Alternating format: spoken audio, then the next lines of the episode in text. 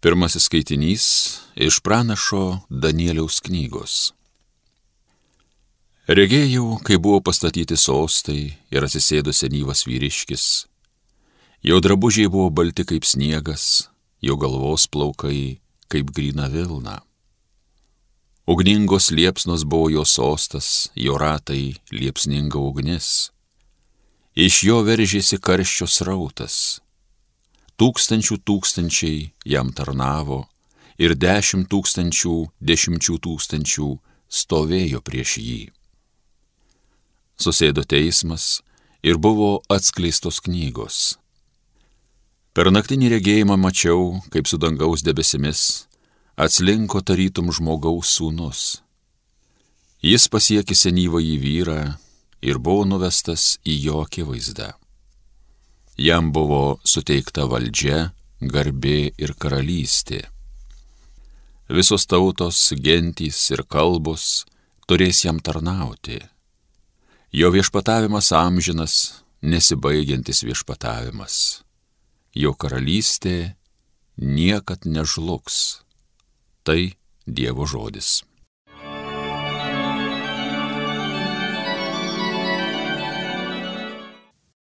Viešpats valdovas, jis didis viršum viso žemės. Viešpats pasaulio valdovas, te džiūgauja žemė, te krikštauja salos. Jį juose debesys tamsus, teisė teisybė grįstas jo sostas. Viešpats valdovas, jis didis viršum viso žemės sutirpsta kaip vaškas kalnai išsigandę prieš viešpatį viso pasaulio valdovą. Byloja dangus apie jo teisingumą, jo garbingumą regi pasaulis. Viešpats valdovas, jis didis viršum viso žemės. Didis tu viešpatie viršum viso žemės, visų dievų tu aukščiausias. Viešpats valdovas, jis didis viršum visos žemės.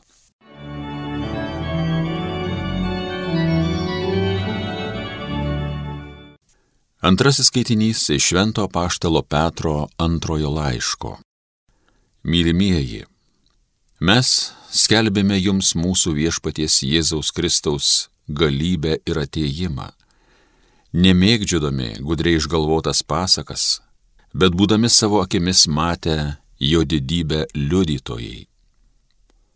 Jis gavo iš Dievo tėvo garbę ir šlovę, kai iš šlovingosios didybės nuskambėjo jam balsas. Šitas yra mano mylimasis sūnus, kuriuo aš gėriuosi.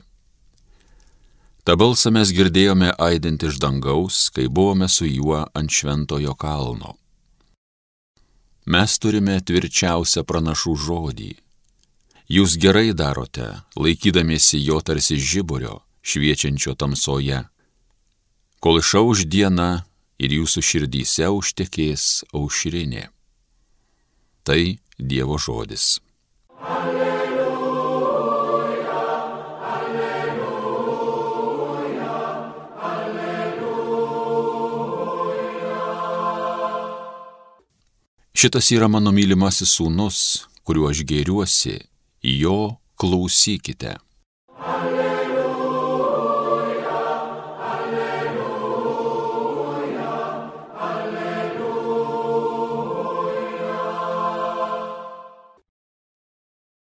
Pasiklausykite šventosios Evangelijos pagal matą.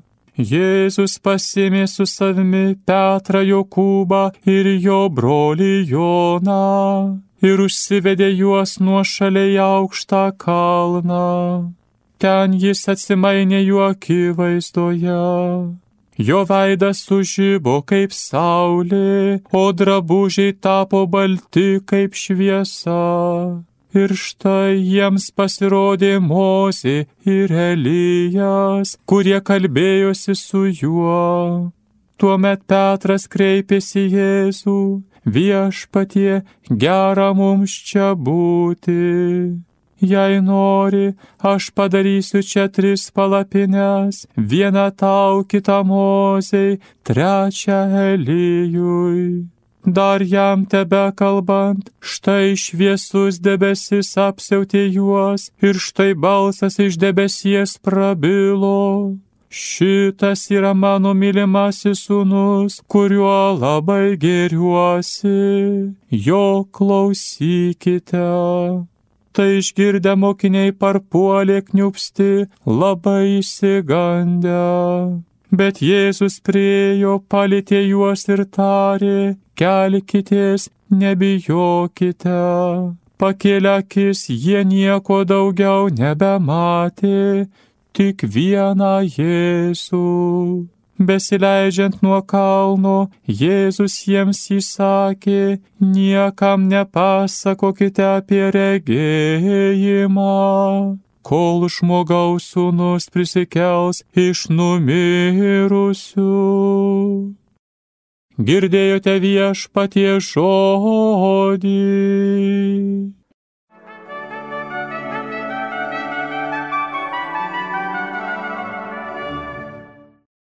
Mėly Marijos radio klausytojai, kas jūsų geriausias draugas? Labai, labai noriu, kad jūs susimastytumėte, paklaustumėte savęs, kasgi mano geriausias draugas. Pamastykite, būtinai pamastykite, bet žinokite, jog ne aš šitą klausimą sugalvojau. Jį sugalvojo Fordas. Tikriausiai visi esate girdėję tą vardą.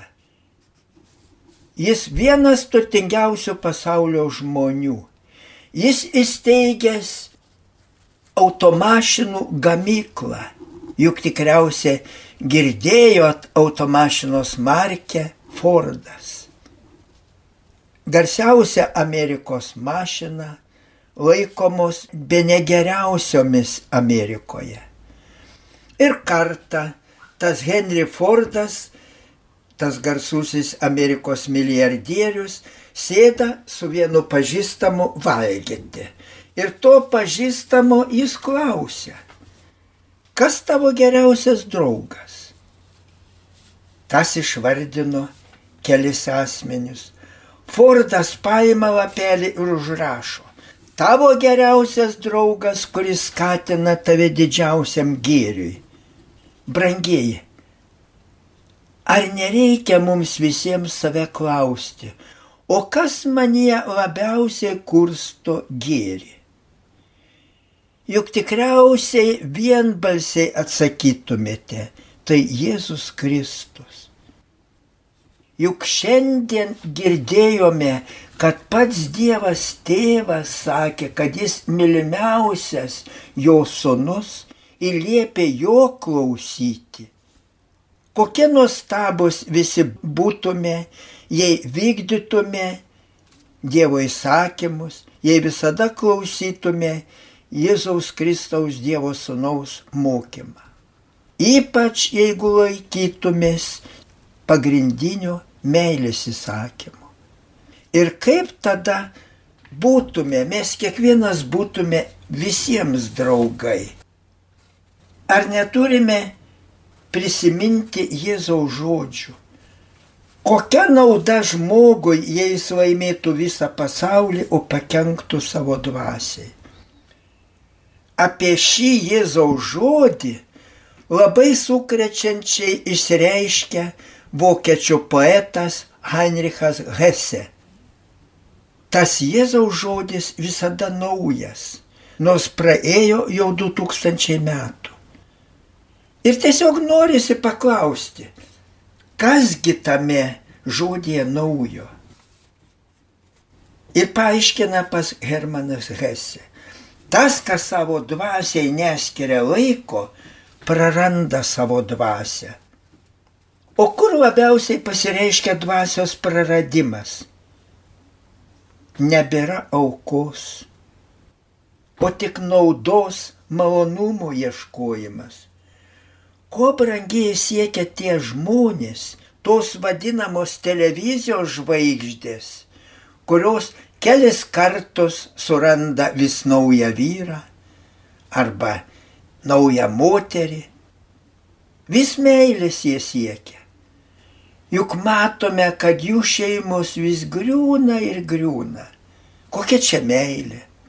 Todėl Heinrichas Hesse ir pratėsi savo mintį, rask laiko savo dvasiai, neleisk pražudyti savo dvasios. Ir jis ragina melstis.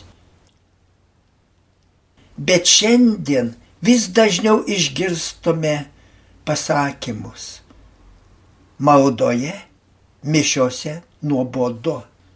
Taip, tegu ir geriausias pamokslininkas kalbės mišiose ir geriausias kunigas tegu aukos mišes.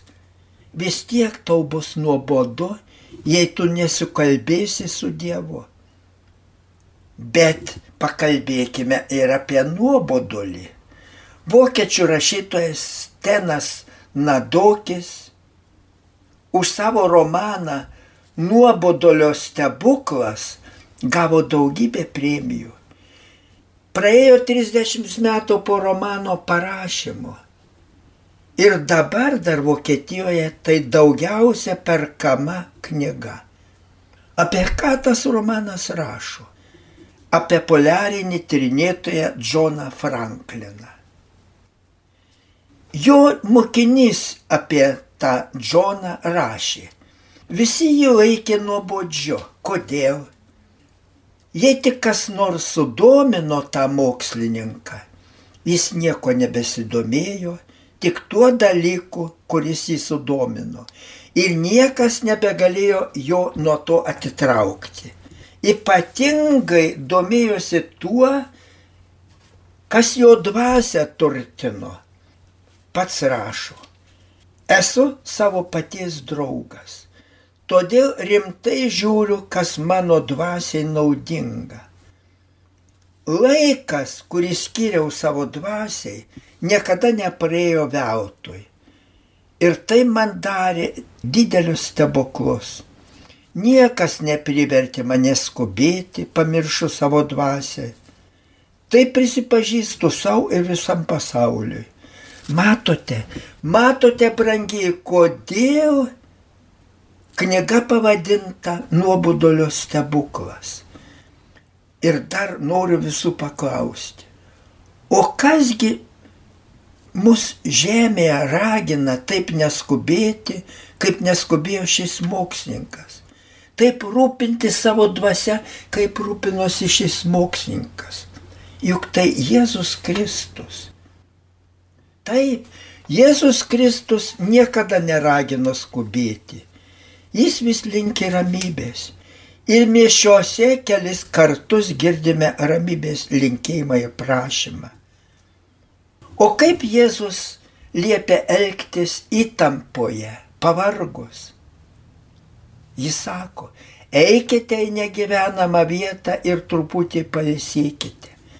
Jėzus juk žino, kaip labai žmogui reikia nurimti, nutilti, pasilikti vienam Tai reiškia leistis Dievo paliečiamam, įsileisti Dievą į savo dvasios gelmes, padaryti Dievą savo draugu.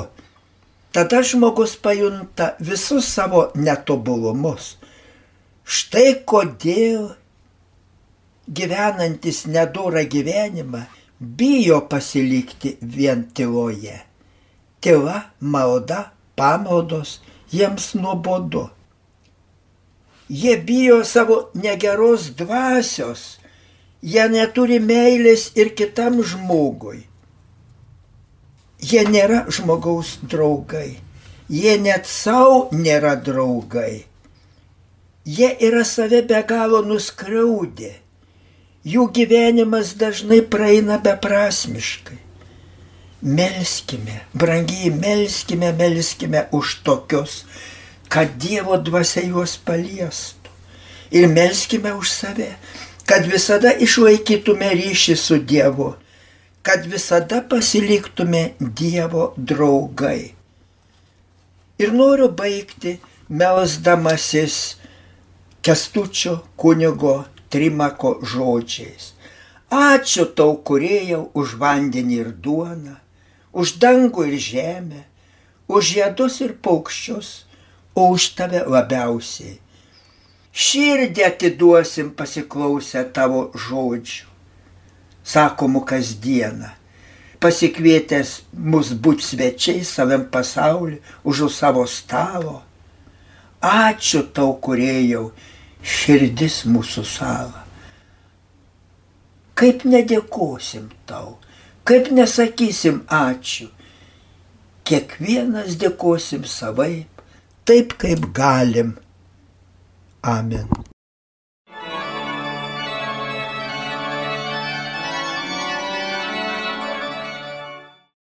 Evangeliją gėdojo kunigas daktaras Vilius Sikorskas.